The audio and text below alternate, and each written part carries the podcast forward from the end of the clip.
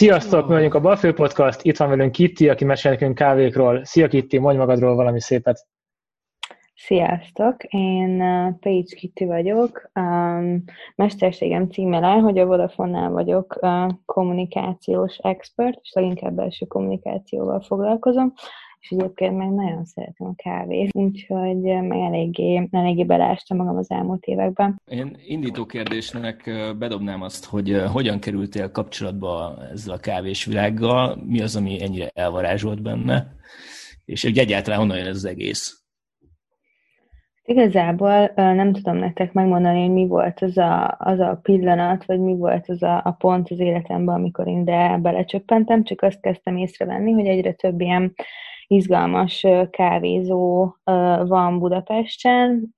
amik nem ezt a, a commerce vonalat hozzák, hanem mindig, ha belépünk is, akkor, tud, akkor látunk valami érdekeset, ami, ami magyarázatra szorul. Meg elég sokat utazgattam így Európába is, és ott is észrevettem, hogy, hogy akár TripAdvisor-on, akár Insta oldalakon keresek, egyre több ilyen érdekes kávézót látok, és, és felkeltette a figyelmemet, hogy, hogy miben más ez, itt miért nem karamelt nyomunk csordultig a kávés pohárba, hanem, hanem mik vannak így a táblákra írva, és egyébként mik azok a nagyon furcsa gépezetek, amikkel itt kávét főznek nekem, meg sokaknak másoknak, és akkor így elkezdtem magam beleesni szépen, hogy, hogy, hogy miért is kerül ez ennyibe, és mi a, mi a különbség így e között, meg a, az instant kávé között, amit mindannyian láttunk gyerekkorunkban. Bocsi, Úgy, ha, már, ha, már itt a, ha már itt az árazásra terelődött a szó, um, gyakran felhozzuk a műsorokban a Starbucksot, meg egyéb nagy láncokat. Uh-huh. Um, te egyetértesz azzal, hogy ezek túlárazottan árulnak nem igazán minőségi terméket, vagy, vagy ezt rosszul látjuk? Mert általában ez szokott lenni a konklúzió itt közöttünk. Hát féltek, én azt gondolom, hogy, hogy igen, a Starbucksnak egy, egy magas ára van, de azt kell szerintem egy picit hátrébb lépni és megnézni, hogy, hogy hogy ittunk kávét régen, vagy mi volt így a, a kávé a fejünkben, és hogyha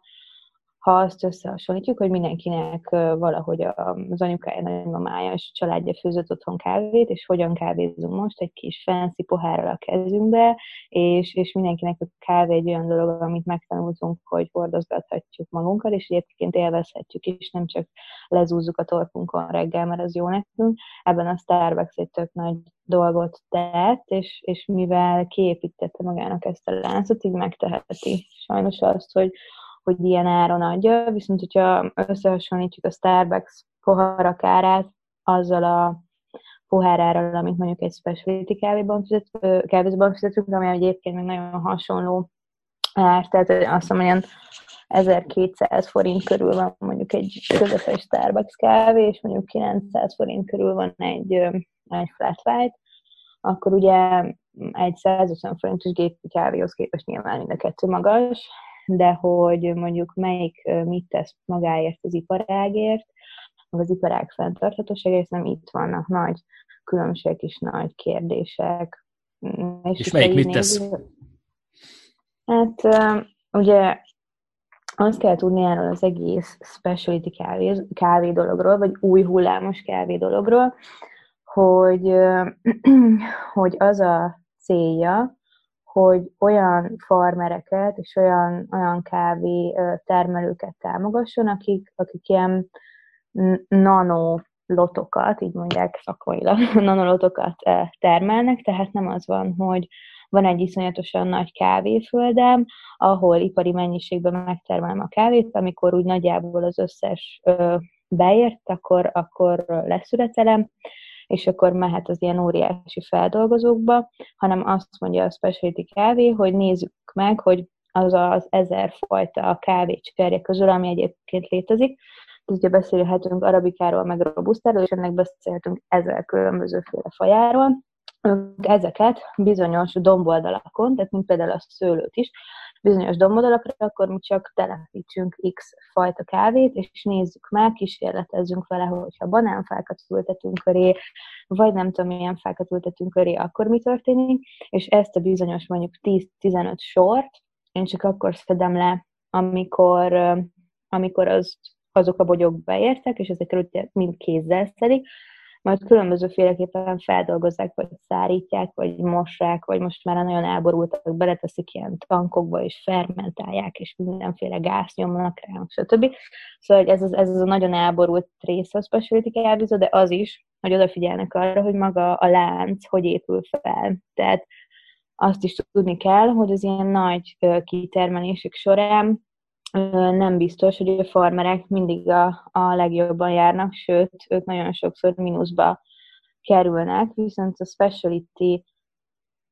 iparágnak szerintem minden résztvevőjének valahogy a, a vérében van az, hogy, hogy ne hagyjuk figyelmen kívül azokat az embereket, akik egyébként a legtöbb fizikai munkát beleteszik ebbe, és a legtöbbet dolgoznak azért, hogy mi meg itt ízlegethessük, hogy mi ez most mosott etióp, vagy szárított kenyai. Tehát, hogy igazából ez, hogy odafigyelünk arra, hogy a láncnak mindegyik résztvevője megkapja a munkájához méltó pénzt. Persze ez, ez, ez, egy most egyszerű dolog, de, de úgy nagyjából ez a lényege akkor ez az, amit most nagyjából felvázoltál, ez az, amit így a köznyelvben Fairtrade kávéként emlegetünk, vagy, vagy az valami más? Hát szerintem a Fairtrade egy picit már egy ilyen stingfestés, már bocsánat, kifejezésért, de hogy csomó mindenre rányomhatjuk, hogy Fairtrade-be mehetsz a Tesco-ba, és megvehetsz bármit, ami Fairtrade, és egy picit én azt érzem, hogy hogy ez egy ilyen, ez egy ilyen logó lett, ez egy ilyen matrica lett, és amit, amit így kommerszítettek valamilyen szempontból, mert hogy tök jól hangzik az, hogy mondjuk te egy lint csoki vagy, és még rányomod egy-két termékedre, hogy Fairtrade, és akkor másképp tudod pozícionálni. De ez picit többről szól, és én inkább a direct trade-re terelném a figyelmet, bár vannak magában a specialty iparákban, akik azt mondják, hogy már csak a direct trade-del is inkább csak villagunk, tudod, azt mondjuk, hogy mi direct trade vagyunk, vagy mi fair trade vagyunk, de hogy igazán az a fontos, ami ezek a labelok mögött van, az, amit teszel azért, hogy, hogy te direkt kapcsolatban legyél ezekkel az emberekkel, mert azzal, hogy meghatározunk kritériumokat, hogy fair trade, meg rainforest vagyok, meg nem tudom, az én kávém még a nők egyenjogúságát is védi Kolumbiába, de hogyha te ténylegesen nem teszel érte semmit, akkor szerintem teljesen mindegy, hogy van-e ilyen lébeled, vagy nincs. Um, Oké. Okay. Igazából ez, ez a direct trade dolog, ezt tegyük egy kicsit tisztába, mert uh, most nekem is eléggé ködös. Ez, uh-huh. ez azt jelenti, hogy, hogy ha én veszek a Rumbak Sebesténen a Bluebirdben egy pörkölt zsák kávét, akkor ott tudják azt, hogy az Alejandro kelet-braziliai földjéről van? Vagy, vagy, vagy hogy... Komolyan? Igen. Nekem ez, nagyon, a... nekem ez nagyon skifi kategória. Mm. Igen, tehát hogy, hogy pont, pont ez a, a lényege az egésznek, hogy um, helyezzük előtérbe azokat, akik, akik rengeteget dolgoznak azért a kávéért, amit mi elvezünk, és persze gondolkodhatunk egyébként bármilyen más élelmiszerbe, ahol ez nem valósul meg, tehát azt sem tudod, hogy most milyen krumplit ettél vacsorára, és tök jó lenne tudni, hogy azt egy másik Alejandro termelte, de egyébként valamennyire erről szól, hogy legyen kapjon, kapjon figyelmet az, hogy kik ezek a farmerek, akik, akik ezt termesztették, de ha például besétálsz a Bluebirdbe és ezt olvasod, az még nem jelenti azt, hogy, te, hogy az a kávé direct trade-ben került Magyarországra. Szerintem fontos arra kitérni, hogy mondjuk egy magyar kávépörkölő, mert egyébként vannak tök jó magyar specialty kávépörkölő, ők úgy veszik a, a, a kávék nagy részét, hogy vannak uh, ilyen kávé tréderek, ők leginkább Skandináviában vannak, Dániában, Norvégiában, itt Európában szerintem akik jelentősek, és nekik iszonyat sok kapcsolataik vannak kávé termelő országokban, és ott vannak nekik ilyen kávé grédereik, akik ellátogatnak farmokra, és minősítik a kávét, hogy ez mennyire specialty, vagy mennyire nem, és ezerféle fajta kritériumuk van, hogy, hogy mi alapján osztályozzák a kávékat, meg a, a feldolgozást, és akkor ők egy ilyen listát készítenek, és ez egy, egy óriási ilyen kávét terjesztő láncolatot képzeljetek igazából el, és a magyar pörkölőkhöz ezek a listák jutnak, és akkor ő szépen, nem tudom, böngészi a Nordic approach a, a mostani kávé listáját, hogy akkor ő, ő mit venne meg, ő venne egy mosott etiópot, nem tudom kitől, ami ekkor és ekkor lett szedve, és akkor azt is látod, hogy az milyen mennyiségben termelt, mennyi ideig volt mosva, stb. mindent tudsz róla, és akkor ő, mint magyar pörkölő eldönti, hogy ő azt megveszi a Nordic approach keresztül. De ugye ez sem az a direct trade, ami a nirvánája lenne ennek az egésznek, de még nyilván sokkal átláthatóbb és sokkal transzparensebb, mint, mint ilyen nagyobb, vagy akár a Stock exchange vagy bárhol kávét venni, vagy amit a Starbucks csinál. És, és igazából a direct trade az meg az lenne, amit Magyarországon a mostani tudomásom szerint egyetlen egy,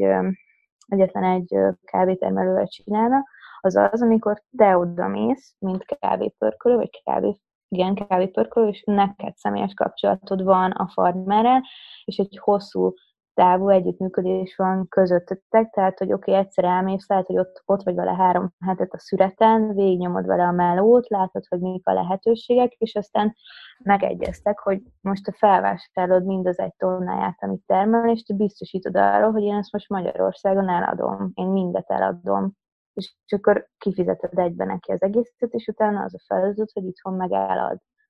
És, és mondom, egy, ilyen, egy ilyenről tudok én itt Magyarországon, amiről amúgy tök szívesen mesélek, hogy ez, ez hogy alakult ki, mert ez egy tök izgi sztori, de hogy, de hogy erre egyébként más országokban már több példa is van, hogy egy hosszú távú kapcsolat alakul ki ilyenkor a, a, a termelő és a felvásárló között, és tudnak kommunikálni arról is, hogy kinek milyen igénye van, akár termelés, akár feldolgozás szempontjából. Bennem most az a kérdés merült fel, hogy egy termelőnek nem az lenne inkább az érdeke, hogy aki vásárolt tőle, az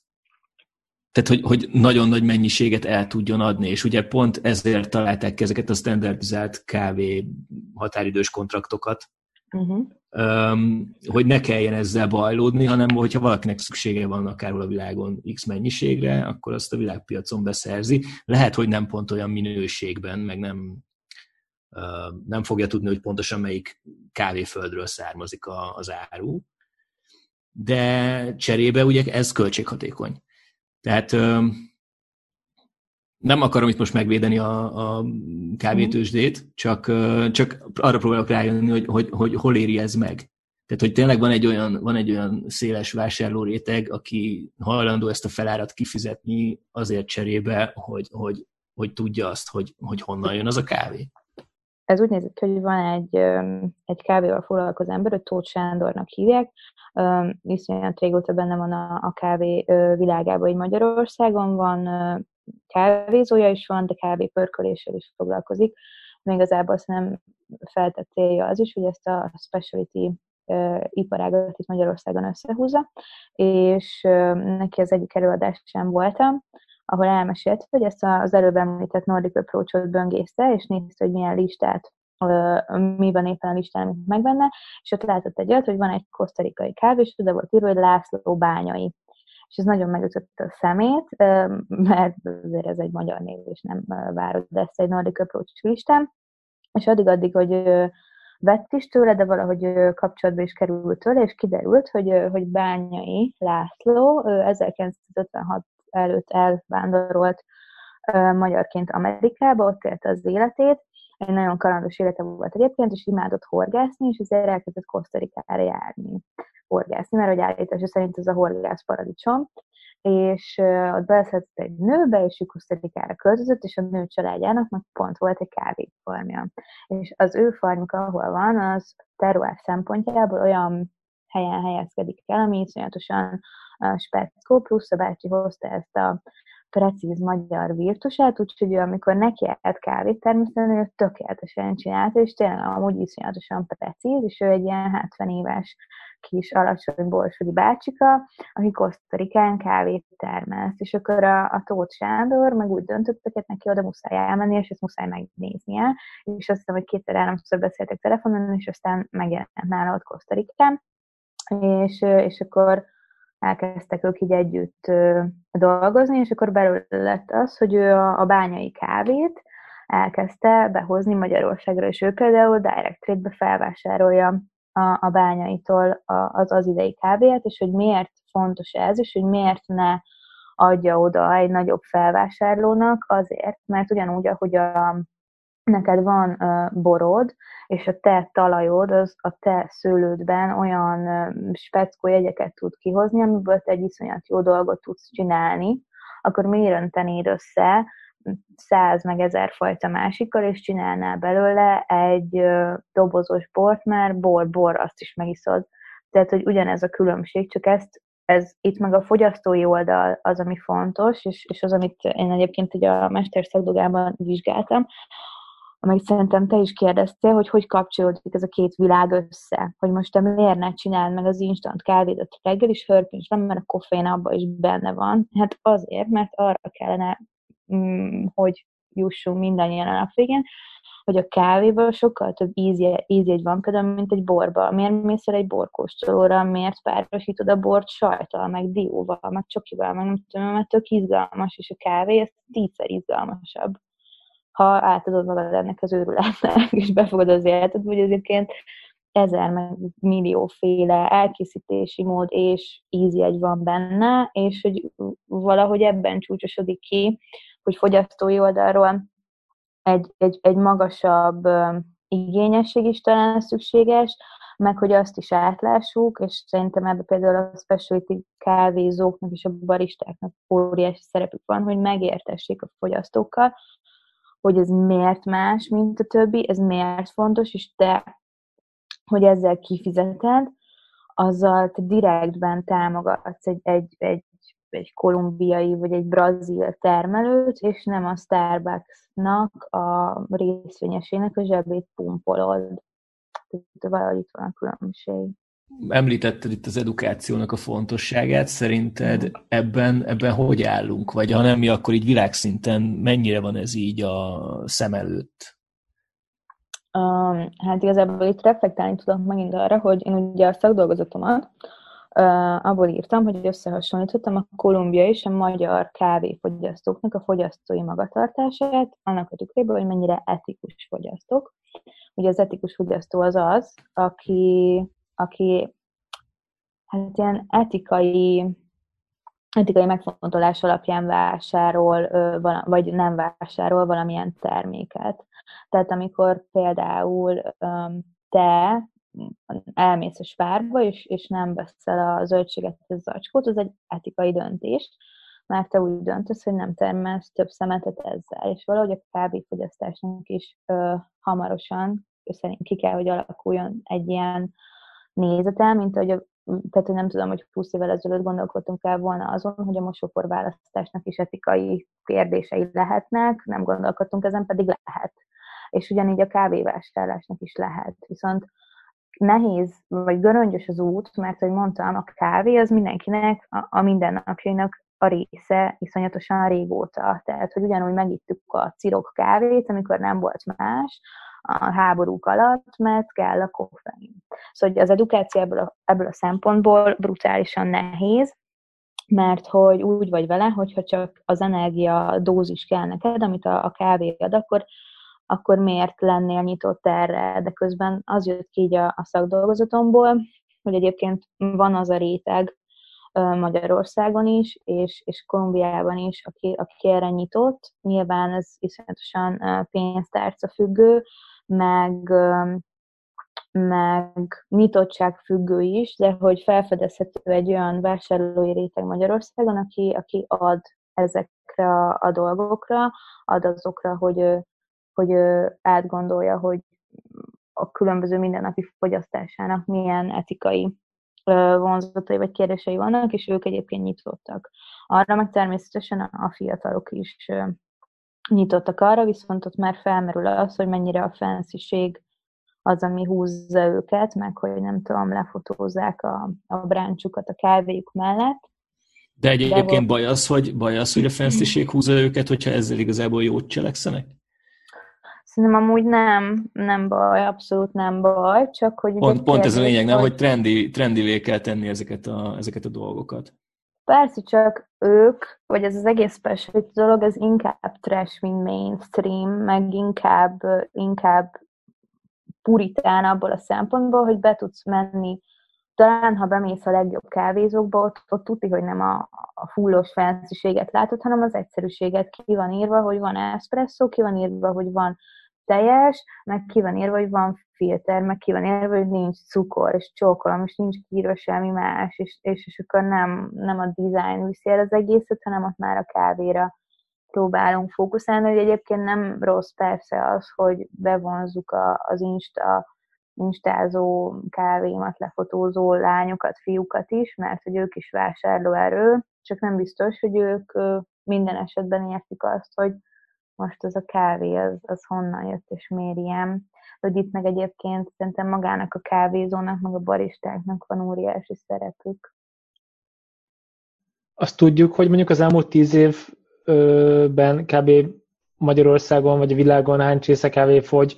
és ennek milyen szeretét hasít, tehát még növekszik -e ez a piac, illetve azon belül mekkora ö, szeretet hasít ki ez a specialty vagy speciality, ez most nem tudom, hogy melyik a jó szó, ö, kávézóknak a, a tere. Az biztos, hogy,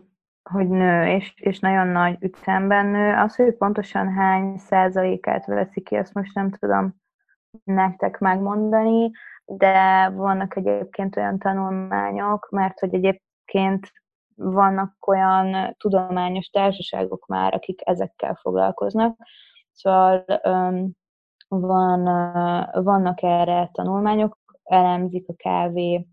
piacának az alakulását, azokat is elemzik, hogy hány látté fogyott Dél-Amerikában, vagy bocs, Észak-Amerikában éppen, szóval hogy erre, erre vannak fókuszált szervezetek, ami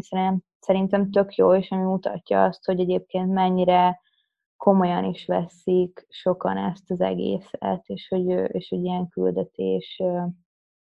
küldetésként foglalkoznak ezzel. Oké, és, és akkor, um, ha jól tudjuk, te még előzetesen mondtad, hogy voltál is kint Dél-Amerikában a korábbi években, és van mm. ilyen helyszíni tapasztalatod, így mesélsz ezekről? Melyik országok, vagy te miket láttál, és mit hoztál haza tudást? Mm-hmm. Uh, én két helyen jártam Dél-Amerikába, és mind a két országból jártam, az elég erősen köthető a, a kávéhoz. Szerintem, hogyha tippelnetek el, akkor ti is ezt a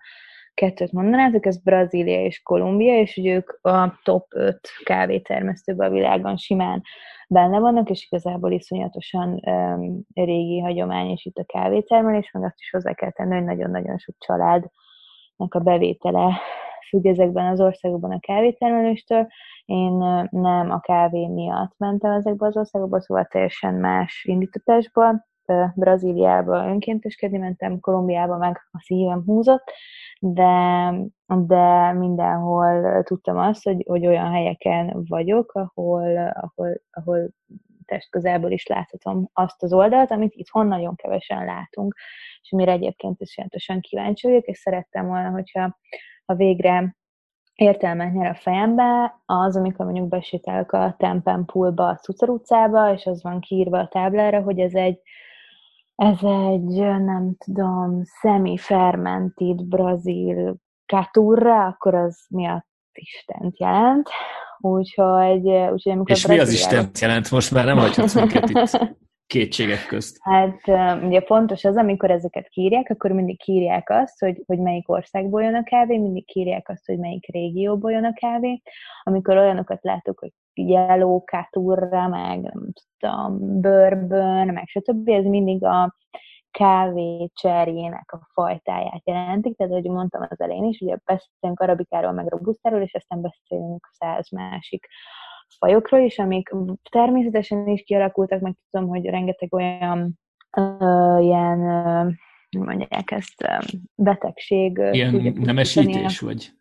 Nem, hát vagy, nem vagy betegség, hát ilyen betegség tudja pusztítani ezeket a kávékat, ezért nagyon, és akkor képes egy-egy fajta betegség kipusztítani egész nagy földeket, ezért nagyon sok kávét igen összenemesítettek egymással, hogy, hogy ellenálló legyen, így, így vannak olyan kávék, amilyen nem tudom, ilyen CX500, meg ilyenek a nevei. Szóval vannak ilyen nagyon elborultak is, de hogyha ilyeneket láttuk, ez mindig a fajtáját jelenti, utána meg láthatok mindig egy igen. Bo- bocs, ide tartozik, csak azért szakítalak félbe, hogy akkor ez az arabika és robusta, ezek mellett létezik egy csomó, vagy az a csomó, ami létezik, az ezeknek valamelyik alfaja? Pontosan Ezeken, a második. Nekem most a második, oké. Okay. Tehát akkor igazából ez a nagy két kávé család, vagy nem tudom, minek hívják ezeket, létezik. Igen, viszont amikor, amikor egy ízletesebb kávéról beszélünk, az nagyon-nagyon nagy részt arabika. Mert uh-huh. a robusta, ahogy a neve is mondja, az egy sokkal robusztusabb növény, mint az arabika, sokkal ellenállóbb, és ezért sokkal, viszont nem is olyan ízletes. Például rengeteg ö, nagyiparban termelt kávé, az nagy százalékban robusta, és valamennyi arabikát kevernek benne. És például az ilyen, nem tudom, egy csibó reklámot végignéztek, és így elsütödik, hogy mm, száz százalék arabika, akkor ez a, a múlt századi promója a jó kávénak. De hogy ez, ettől már régen túl vagyunk ezen, hogy, hogy, hogy arabika-e. Aztán persze vannak azok, akik azt mondják, hogy a robusztának is van egy olyan egy-két fajta, amit lehet ízlelni, vagy ami font, vagy ami finom lehet, de hogy igazából ez a fontos, hogy alfajai vannak az arabikának, ami, ami, okay. ami nagyon-nagyon sok. És akkor ugye emellett láthatunk még a táblán mondjuk magasságot, mert ugye csomó ilyen termelésnél fontos az, hogy milyen magasságon vannak ezek a, a növények, szóval általában ilyen ezer méter felett találhatók meg ezek a, a specialty kávécserjék, mondjuk vannak azok a brazil alföldek, ahol tonna számra termelik a kávét, de az megint sokat elmond róla. És akkor utána láthatok feldolgozási formákat, lehet mosott, lehet szárított, lehet félig mosott, lehet fermentált, lehet igazából ezek a alapváltozatok, de ugye ezeket láthatjátok, és ezek sokat elmondanak arról, hogy a kávé hogy lett feldolgozva, hogy bomlik le a magán a kávébabon lévő húsos, gyümölcsös rész, akkor az most ott fermentálódik, cukrot kap, vagy, vagy hogy, hogy alakulnak ott az ízek. Szóval a, a hozzáértő szem ezeket tudja, ezeket az infokat tudja meg azokból a, a dolgokból, amiket ezekre a táblákra felírnak. Szóval, szóval itt van a fontossága ezeknek a, a jegyeknek, amiket ti el tudtok, vagy bárki el tud olvasni, amikor, amikor megvesz akár egy zacskó ilyen kávét, nem ugye ezekre is rá van írva, plusz ugye a termelőnek a, a neve, ami meg az előző körökben megbeszélt faktorok miatt fontos. Úgyhogy, úgyhogy én ezekre egy tökre kíváncsi voltam, hogy Mm, persze rákeresett a neten, hogy hogyan mossák a kávét, milyen kádakba, vagy milyen szárító ágyakon szárítják, de hogy én így látni szerettem volna. Úgyhogy mielőtt kimentem Brazíliába, végeztem egy, egy kis kutató munkát, hogy ahova én megyek, ezt a várost egyébként Vittoriának hívják, ami Riótól északra található, és egy nagyon szép óceánparti város, hogy itt milyen speciality kávézók vannak, hogy vannak-e egyáltalán. Mert hogy ez is egy nagy kérdés volt a fejemben, hogy mi az Isten tisztnek azok, akik ott ülnek rengeteg kávén, hát mint kiderült, a legrosszabb minőségű tisztek, és iszonyatosan nem edukáltak abban, hogy egyébként micsoda kincsük, kincs felett ülnek. De azért vannak, meg Viktóriában is volt egy-két olyan kávézó, akik, akik ezt a, a vonalat hozták, Úgyhogy szem egy napja se voltam ott, én már az egyik ilyen kávézóba ültem, és ilyen nagyon stalker módjára be is követtem a, a kávézónak a tulajdonosát, aki egyszer csak meglepődött, hogy bekövette egy lány pár napja Instagramon, majd Európában, majd ott van a kávézójában, és jött hozzám, és megkérdezte, hogy amúgy én most mit keresek itt, vagy hogy ez most micsoda akkor így elmagyarázta, hogy tudom, hogy izé önkénteskedni jöttem Magyarországról, és tud érdekel a kávé, és akkor mondta, hogy hát neki van ez a kávézője, meg egyébként neki van egy pörkölője, meg egyébként egy kávé atya úristen Brazíliában, mert ilyen magazinokba ír, meg nem tudom, ha kávékonferencia van, akkor ő tuti, hogy beszél, és hogy, és ugye akkor megmutatná nekem a pörkölőjét, meg, meg elvinne egy farmra. És akkor hát nyilván mindenre rábólintottam, és, és mentünk mindenhova, és ez ilyen brutális élmény volt, hogy, hogy elvitt, elvittek egy olyan farmra, ami, ami egy ilyen nagyon-nagyon lankás tájon van, ugye 1000-1500 méter, mondjuk ennyibe változik ezeken a, a, a farmokon, ugye Brazíliára egyébként is jellemzők ezek a nagyon ilyen kitüremkedő hegyek, úgyhogy brutálisan néz ki. És akkor elvittek engem oda, és megmutatták, hogy, hogy konkrétan hogyan szedik kézzel a cserjéket, melyik, vagy hogyan a gyümölcsöket, bocsánat, hogy ez konkrétan hogy néz ki, hogy ezeken az iszonyatosan meredek lejtőkön állnak a szedőnök, és tartják a kezükben ezt a tudom, másfél méter átmérőjű fonott kosarat, amiben kézzel szedik bele a bogyókat, és hogy utána attól függően, hogy, mert az sem mindegy, hogy lehet, hogy egy farmon van háromféle kávé, lehet, hogy az egyiket mossák, lehet, hogy a másikat szárítják, de az is lehet, hogy a farmon csak szárítás van, szóval ez egy iszonyatosan bonyolult um, rendszer lehet akár, és akkor így végigvezettek engem ezen a, az egész processzen, azt is megmutatták, hogy, hogy mit csinálnak azzal a kávéval, ami, ami a saját farmukon nem abban a magas minőségben jön ki, amit egy ilyen Q-grader specialty kávénak nevezne, akkor azt, azt, azt hova adják el, és azokat egyébként ők is ezekbe a központi feldolgozókba adják, ami aztán lehet, hogy egy, nem tudom, zacskós Nescaféba kerül bele, szóval ez is simán benne van, de hogy így, meg az, hogy hogy forgatják például vissza a kávé mm, gyümölcsének a húsát, és hogyan használják fel arra, hogy a földüket, földeiket termékenyebbé tegyék, szóval, hogy így, így mindent végigmutattok, és akkor így én így, nem tudom, ez egy ilyen spirituális élmény volt kávé nekem, hogy ezt így, ezt így láthatom, meg főleg nem, nem sokan kerülünk ennyire, ennyire közel ehhez a dologhoz. És akkor a második alkalommal, amikor meg kávéföldön jártam, az meg Kolumbiába volt, ahol meg picit jobban ismer, az emberi oldalát ismerhettem meg ennek a dolognak, mert hogy ott az a család, akinél voltam, nekik maguknak is kávéfarmjuk volt, és, és ott az egyik lány, igazából egy 30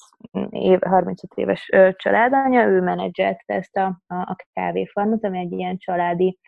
örökség volt, és ő nekik is olyan táj és terroár adottságaik voltak, amik, amik megengedték azt, meg a cserjék is annyira jók voltak, és megengedték azt, hogy, hogy specialty kávét termesztenek, és ők még abban voltak különlegesek, hogy teljesen mondjuk magyarul ökonak nevezhetjük azt, amit csinálnak, szóval semmilyen kemikáliát egyáltalán nem használnak, hanem mindent természetes úton oldanak meg, és, és ő meg sokat mesélt nekem arra, hogy egyébként hogyan is néz ki ez az egész szüret, a szedés, feldolgozás, ennek a speciality az eladása Kolumbiába,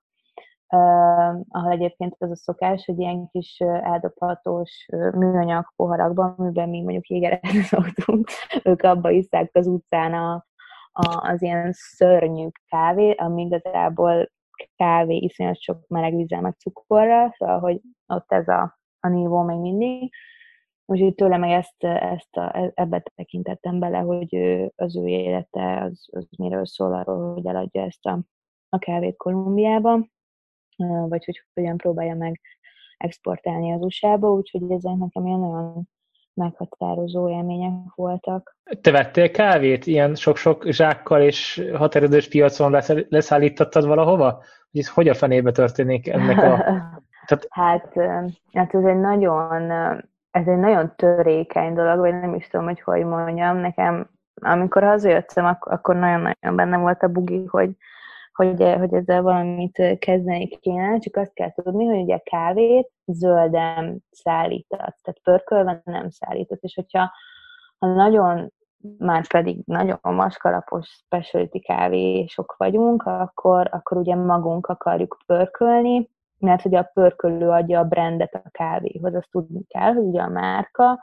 az soha nem a termelő, hanem mindig a pörkölő. Tehát, hogy most a Bluebird-be bemész, és ott veszel egy kaszinómokkát, akkor a kaszinómokka zölden kapta, és pörkölt, és tök mindegy, hogy Nordic approach vagy hol veszi, neked zöld kávé kell, ahhoz, hogy te felbrendeld, mert igazából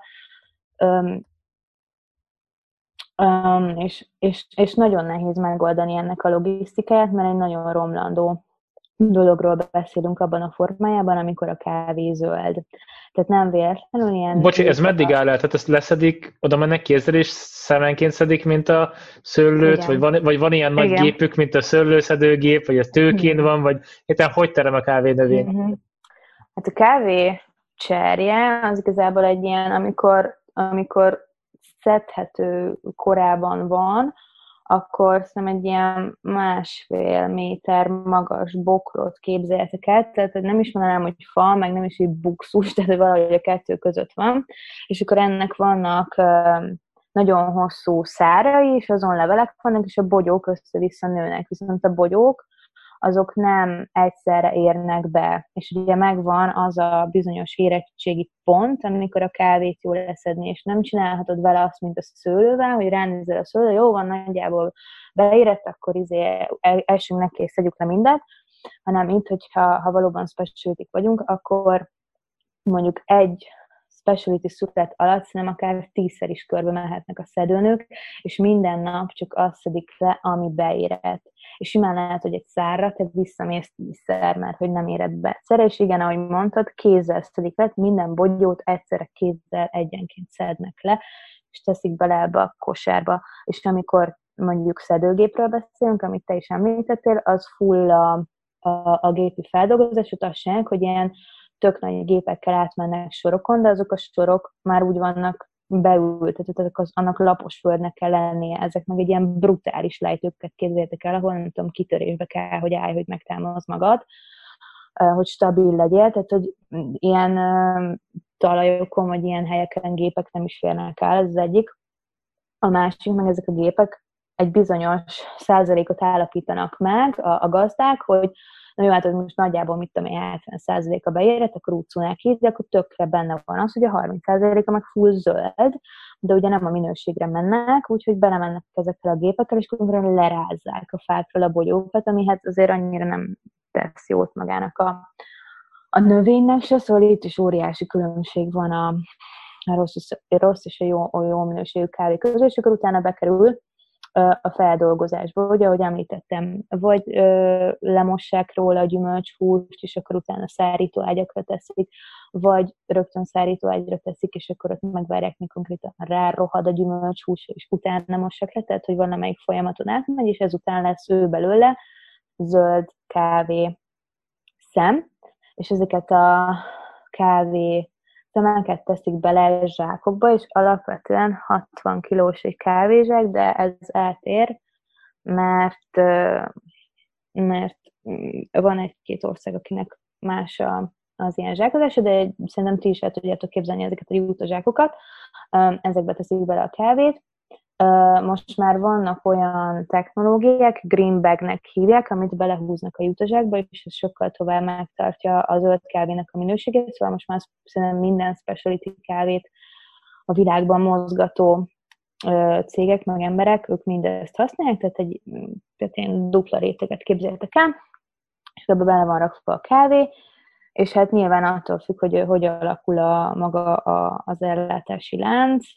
kerül a kávévilág egyik pontjáról a másikba. És akkor utána jön az a nagy kérdés, hogy, hogy milyen konténerben utazik, abban a konténerben mennyi időt, milyen páratartalmon van, te tudod a konténerbe biztosítani azt a megfelelő páratartalmat, aztán itt, itt Európában milyen raktárba kerül be, például Magyarországon én nem tudok olyan raktárról, vagy nagy raktárról, tehát az lehet, hogy mondjuk valamelyik pörkölő ki tudott magának alakítani ilyen kisebb raktárt, ami megfelel a tárolásnak, de például Bécsbe tudom, hogy van egy óriási ilyen raktár, ahol megfelelő páratartalma, megfelelő hőmérséklettel tárolják ezeket a, a zöld kávékat, de ugye ebben a formájában nagyon sérülékeny és romlandó. Mm, és ugye attól is, ugye említetted az árat, ez mind attól függ, hogy, hogy hogyan lett feldolgozva, mennyire nano dologról beszélünk, hogy mennyi termelődött ebből az egészből, mennyire, mennyire különleges, szóval nagyon-nagyon változhatnak az árak. Amihez ugye mindig hasonlítjuk, az a kávénak a stock exchanges ára, mm, de ugye ehhez képest ezek a specialty azért jóval magasabbra szárnyalnak. Ezt akartam egyébként kérdezni, nagyjából milyen felár, felárat kép, kell itt elképzelni a, a sima határidős standard kávéhoz mhm. képest? Hát figyelj, Nem kell pontosan, csak úgy. A, a, hát a kávénak a stock exchange-es ára az ilyen egy dollár per pound, az magyarul, hogy magyarul? Font. Font. Szóval egy dollár per font. Mennyi a font? Viszont per kiló. Uh, aha. 4,5 vagy 4, 45 deka, igen. Uh-huh. Egész jól mondtad. Oké. Okay. És, és azért ilyen speciality-knél, tehát hogy ez az egy, ebből az egy dollárból, ami eljut a termelőnek, az, az a 20%-a se. Viszont ugye a speciality tehát, de ez a, a rossz minőségű kávé, amiről beszélünk. És a speciality-nél tízszereséről indulunk minimum. Tehát, hogy tehát, hogy itt, itt azért nagy a felár, és itt, itt nem csak arról, tehát, hogy ez is tök jól hangzik, meg erre is egyébként több büszke lehet maga az egész iparág, de itt igazából az a fontos, hogy mennyi jut vissza a, a termelőnek, mert itt is akadhatnak olyan porszemek a gépezetben, hogy nem jut el az a, az a megfelelő összeg a, a termelőhöz, ami, amin az ő munkájáért jár, és ugye a munkának mégis a, a farkas részét, azt ők végzik. Persze nem kérdőjelezhető meg, hogy mennyire nehéz eladni, mert valóban az is tökre nehéz, de hogy aki a fizikai munkát végzi, azok ők. És itt ez az, ami nagyon fontos, hogy mi ez a százalékbeli eloszlás. Hogyha én specialty kávét szeretnék ö, vásárolni, akkor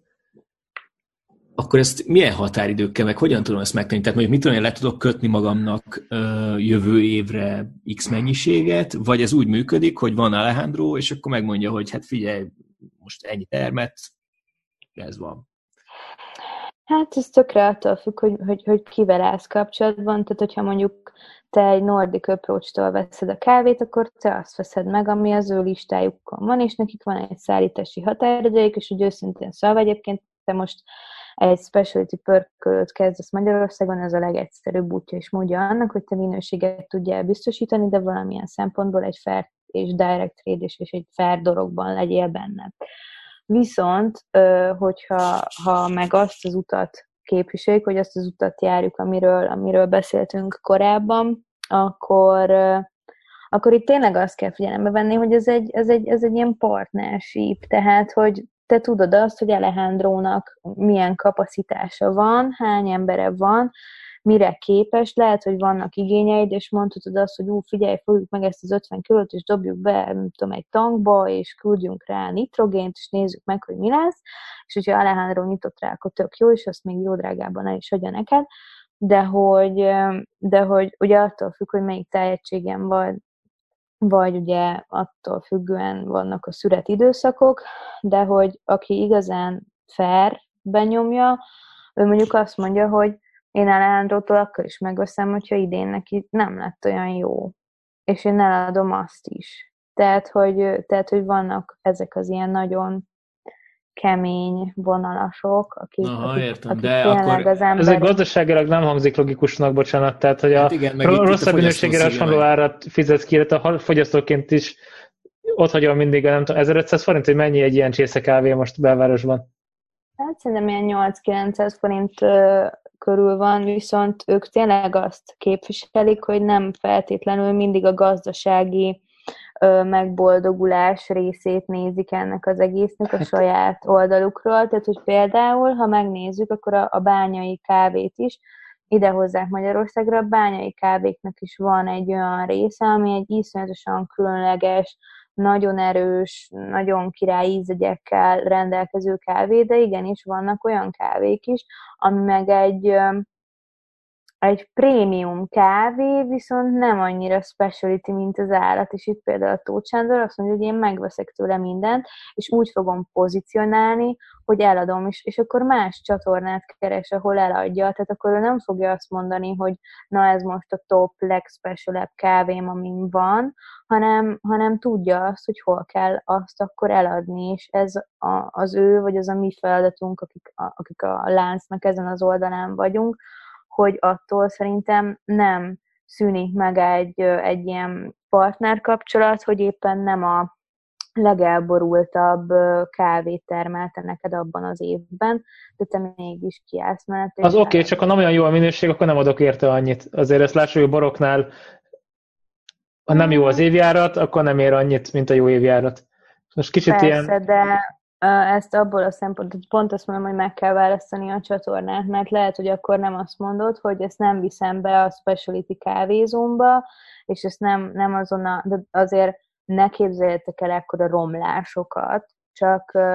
csak lehet, hogy akkor azt mondja, hogy ezt máshol adom el, lehet, hogy nem tudom, megkeresek,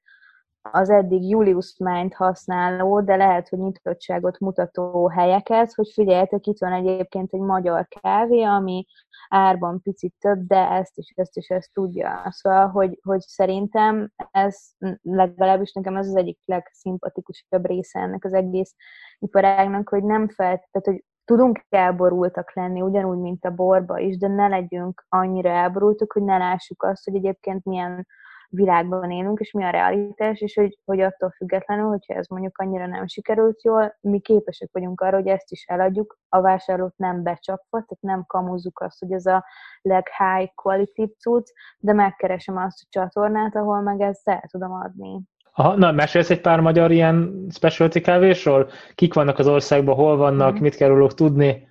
Igen, igen. Szóval, ahogy, ahogy említettem, aki szerintem tökre így a, az élős, akkor őt, őt a Tóth Sándor, aki szerintem Magyarországon egyedül nyomja most ezt a, ezt a, ezt a tényleg igazi direct trade de hogyha le vagyok maradva esetleg, akkor nyugodtan, nyugodtan majd javítsanak ki, akik ezt hallgatják, de szerintem ő mindenféleképpen egy, egy megemlítendő dolog, viszont ő annyira nincs az erő, előtérben, tehát hogy neki például Budapesten nemrég nyitottak a Fény utcai piacon egy bányai káfét, amit nagyon-nagyon ajánlok nektek, mert ott csak bányai Lászlók a kosztarikai fajnájáról lévő kávék vannak, azt nézitek meg. Akit mindenféleképpen meg kell említeni, és aki az egyik legrégebbi magyar pörkül, az a Cassinó és, és, és tényleg ők vannak a, a legrégebb óta, szóval, hogyha elmentek a keletbe, vagy elmentek a, igazából bármelyik, azt mondanám, hogy a bármelyik ilyen picit mainstream specialty kávézóban már kaszinómokkal van, akik a kaszinómokkának a, a nagy frontemberei, az az Espresso Embassy az Arany János utcában, és szerintem az egyik leg, legprofibb ilyen kávés felszereléssel rendelkező csapat, mert egyébként még itt vírus előtt a király volt a dolgozni, meg tanulni, úgyhogy ezt ajánlom nektek. Aki még mindenféleképpen említésre méltó, az a My Little Melbourne, és minden olyan fúzió, vagy minden olyan, tudom, ami hozzá tartozik, tehát ugyanúgy hozzájuk tartozik a Six Letter Café, ami ott van a Bazilikához közel, vagy hogyha lementek Balaton akaratjára, akkor ott a Rafti Café Box, ami egyébként ott akaratja, nem magas parton van, brutál menőhelyem.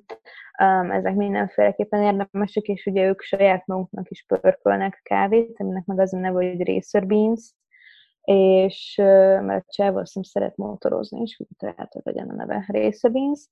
és, és ők is egyébként nagyon sok ilyen reggeliző helyen megtalálhatóak. Szóval például egyébként visszacsatolva az előző kérdésre,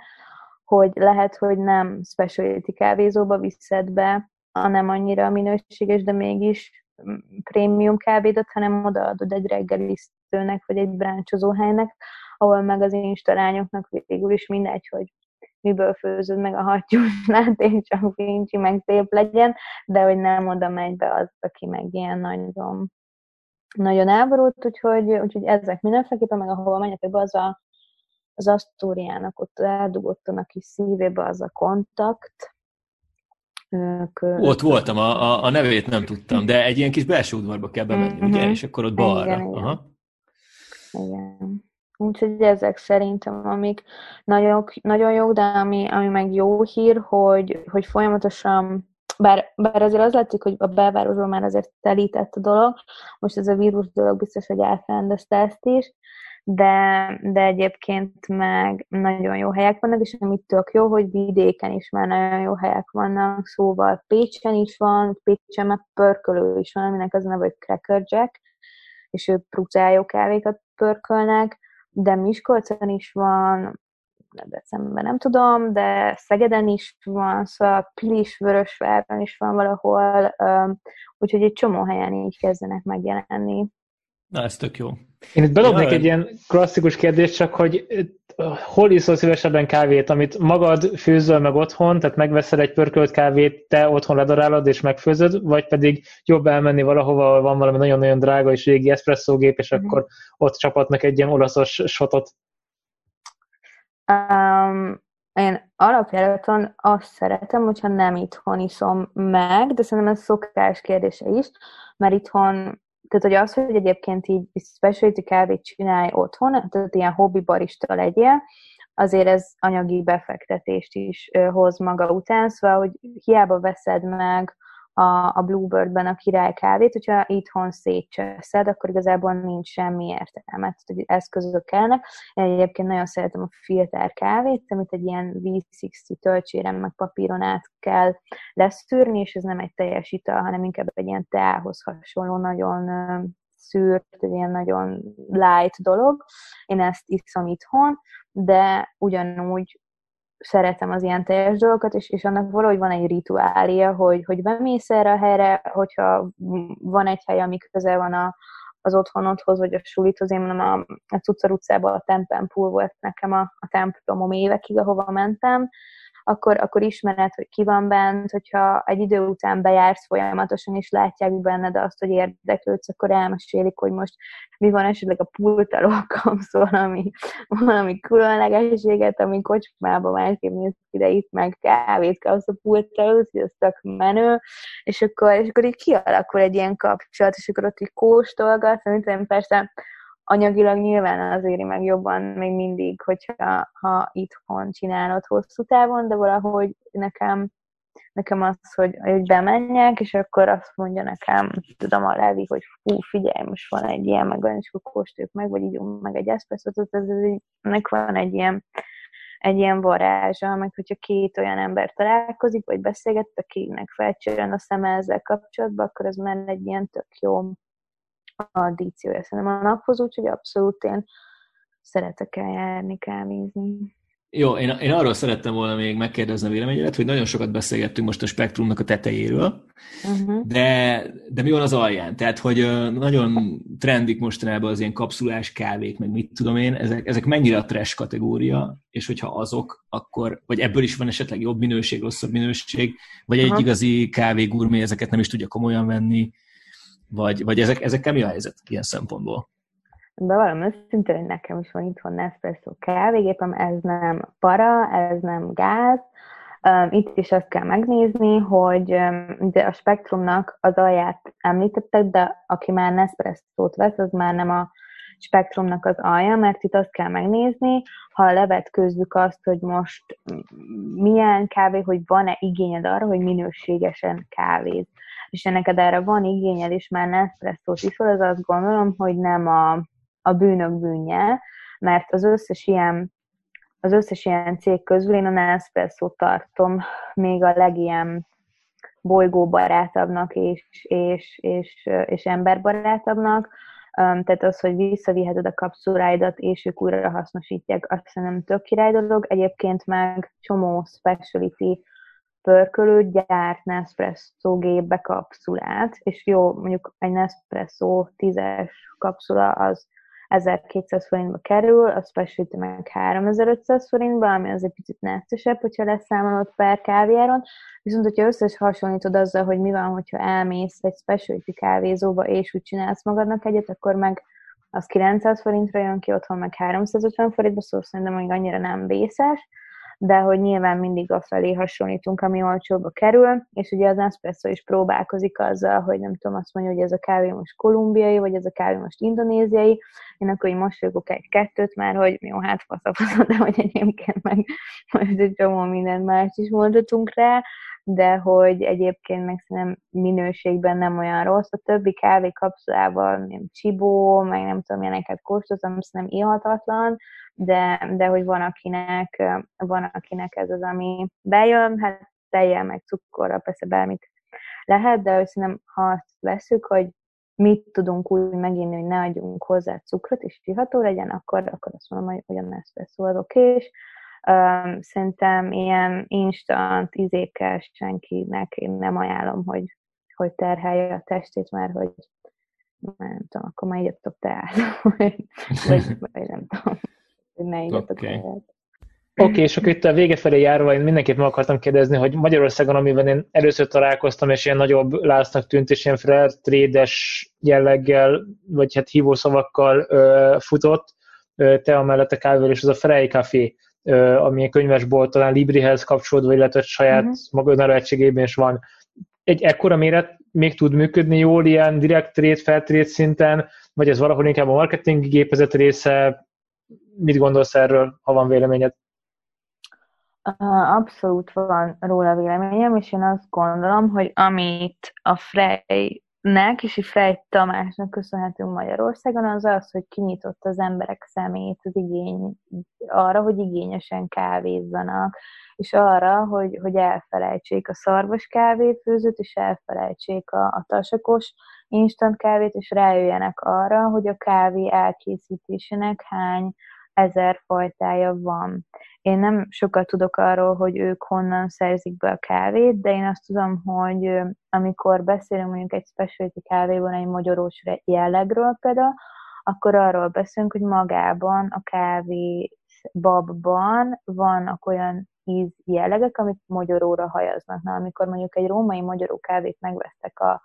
Frejnél, és azt repörkölitek, és otthon megisztatok, és hú, de jó magyaró íze van, az azért van, mert magyaró aromán a fektetik ki a kávét, és azon,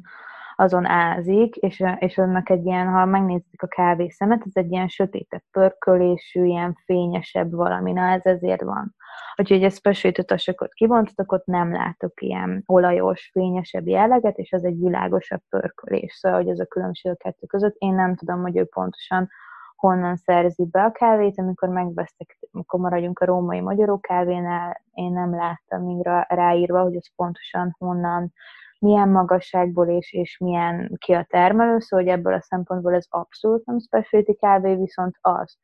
hogy a, a kávé a világon hány száz éve jelen van, és melyik kultúrában milyen fogyasztási mód alakult ki, ezt elhozta Magyarországra, szerintem ez, ez kérdőjelezhetetlen, és egyébként ez egy,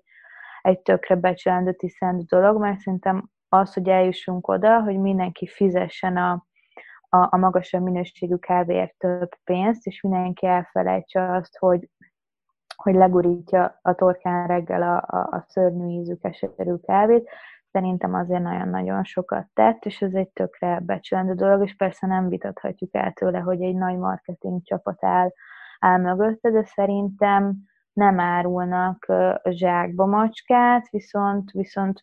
én se tudtam sokáig, hogy nem tudom, Jemenbe hogy isznak kávét, vagy Tokióba hogy csöpögtetik, vagy mit tudom én, Casablancán így iszák, és szerintem ez egy tök izgi dolog, és, és, és, és hogy nem, tehát hogy ne legyünk hipokraták, nem, nem gond az, hogyha ha, ha így is iszunk kávét, szóval, szóval én abszolút örülök, hogy ez van, mert hogy ez egy út a kávé nirvánán felé valahol. Én azt szerettem volna hogy megkérdezni, mert lehet, hogy ezt a, kicsit az adás első felébe kellett volna, de majd megfelelő helyre vágjuk, hogy Magyarország az hol áll nagyjából a világ térképen így a kávékultúrának a szempontjából? Tehát mennyire vagyunk erre igényesek mondjuk a, a nyugat-európaiakhoz képest, vagy akár a világ más pontjához képest? Um, nem tudom, erről vannak-e számok egyáltalán, vagy, vagy ez, csak úgy, ez csak úgy megérzésre tudod megválaszolni? Mm. Hát most érzésre tudom nektek megválaszolni. Ö, igazából Magyarország az, az valahol, azt gondolom, hogy a, a, a kettő között van, hogyha nézzük az egyik pólusnak mondjuk Skandináviát, Dániát, Hollandiát, ahol egyébként is az ilyen zöld ügyek, meg a, a felség, meg a, az ilyen társadalmi felelősségvállalás és etikusság szerintem magában a fogyasztói magatartásban nagyobb szerepet kap,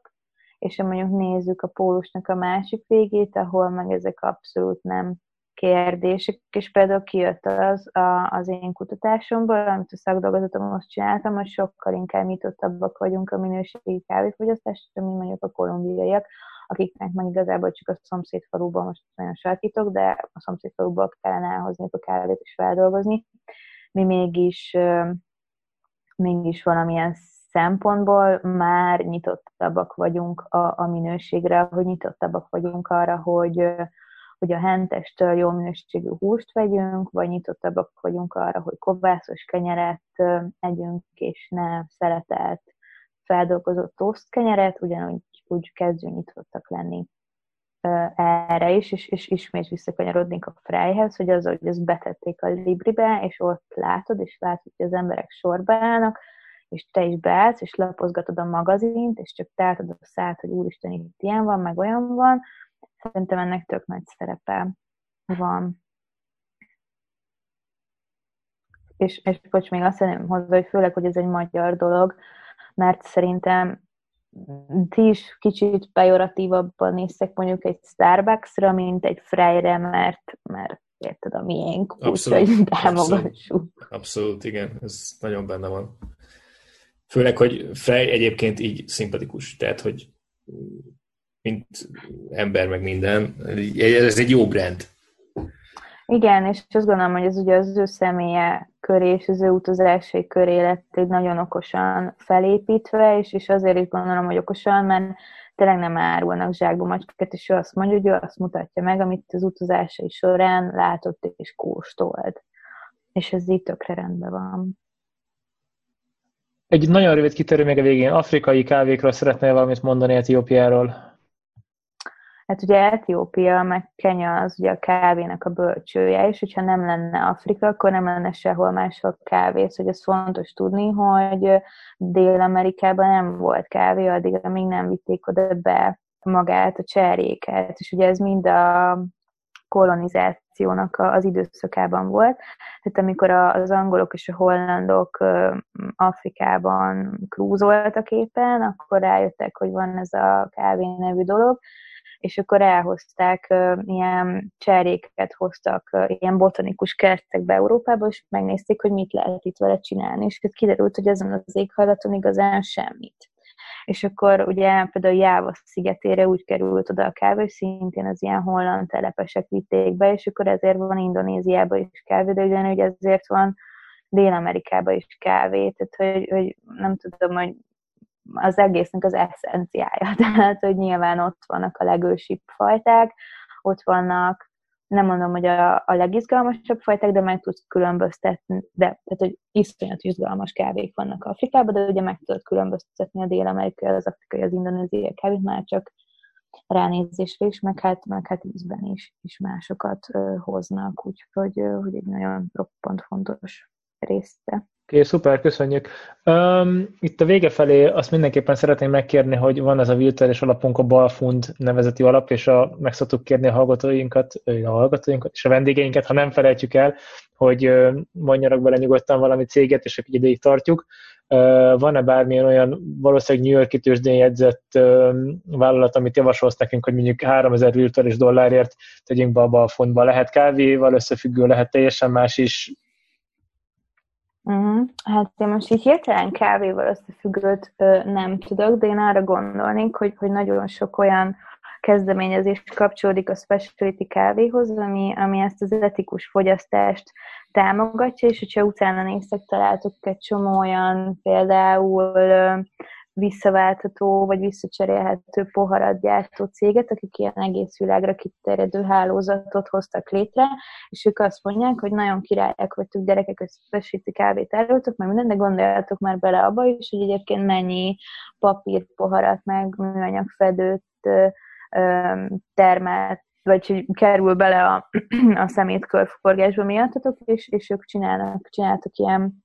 tényleg az egész világra kiterjedő ilyen exchange programot, úgyhogy, úgyhogy én így ezt protezsálnám. Husky Cup. Husky Cup. Jó, megkeressük. Vagy hogyha őket nem, akkor valami hasonló céget megkeresünk. Úgy írják, hogy H-U-S és K-E-E. Kettő E. Aha, megtaláltam. Jó, jó, köszönöm. Szerintem nem jelzik a tőzsdén, de de lehet, hogy majd valami hasonlót találunk, ami... Nem, mint hogy ebből vonalba mennék el, mert hogy egyébként nem, tehát hogy ezeket a, a cégeket szerintem, akik tényleg a, a, a sok munkát ebből belefektetik, őket nem jegyzik a tőzsdén, hogy például egy ilyen Nordic approachot, mint kávéterjesztőt jegyeznek, az egy másik kérdés, abszolút lehet, de hogy szerintem itt a, amivel igazán hozzá lehet járulni, az az, hogy láss minőséget. Jó, hát akkor uh, Kitti, nagyon szépen köszönjük, hogy a rendelkezésünkre álltál, és mennyi okosságot megosztottál velünk a kávéfogyasztással és import-exporttal és egyéb dolgokkal kapcsolatban. Nektek pedig köszönjük a mai figyelmet, jövünk jövő héten, és ne felejtsétek el lájkolni az Instagram, meg Facebook oldalunkat, írjatok nekünk e-mailt, ha van kérdésetek, és a többi, és a többi. Kettő fontos dolog kimaradt. A, szerintem kit ajánl valami kávés influencert, kit kell követni, ha érdekel jobban a téma, mindenkit? Szerintem első körben kövessétek be a, a, a jobb kávézókat, amiket említettem, mert azzal itt tökre támogatjátok őket, hogyha, hogyha ha követitek az oldalukat, meg akit én így kiemelnék, nincs ilyen kávés influencer egyébként, Magyarországon. Én szerettem volna... Ez egy piaci rés. Ez egy piaci rés. igen, igen én, én törekedtem rá egy ideig, de aztán rájöttem, hogy nekem annyira nem a, a világom, de akire felhívnám a figyelmet, és főleg így a, a vírusba, az a Picnic Budapest nevű oldal, Insta oldal, szervezet, és ők igazából baromi menő gasztronómiai szereplőket hozzuk össze Magyarországon, és szerveznek előadásokat, workshopokat, csomó-csomó mindent, és ők így a, a specialty kávé is abszolút rajta van a szkópjukon, szóval szerintem őt így, így kövessétek, mert főleg a mostani időszakban ők így, így, így tökre menő dolgokat csinálnak. Um, kávés influencer még nincs, úgyhogy lehet, lehet, lehet betölteni ezt a részt. Na, hát akkor nagyon szépen köszönjük a mai figyelmet. Kitti, neked nagyon szépen köszönjük, hogy a vendégünk voltál. Szerintem nagyon sok érdekes és új dolgot megtudtunk a kávéfogyasztásról és a kávékultúráról.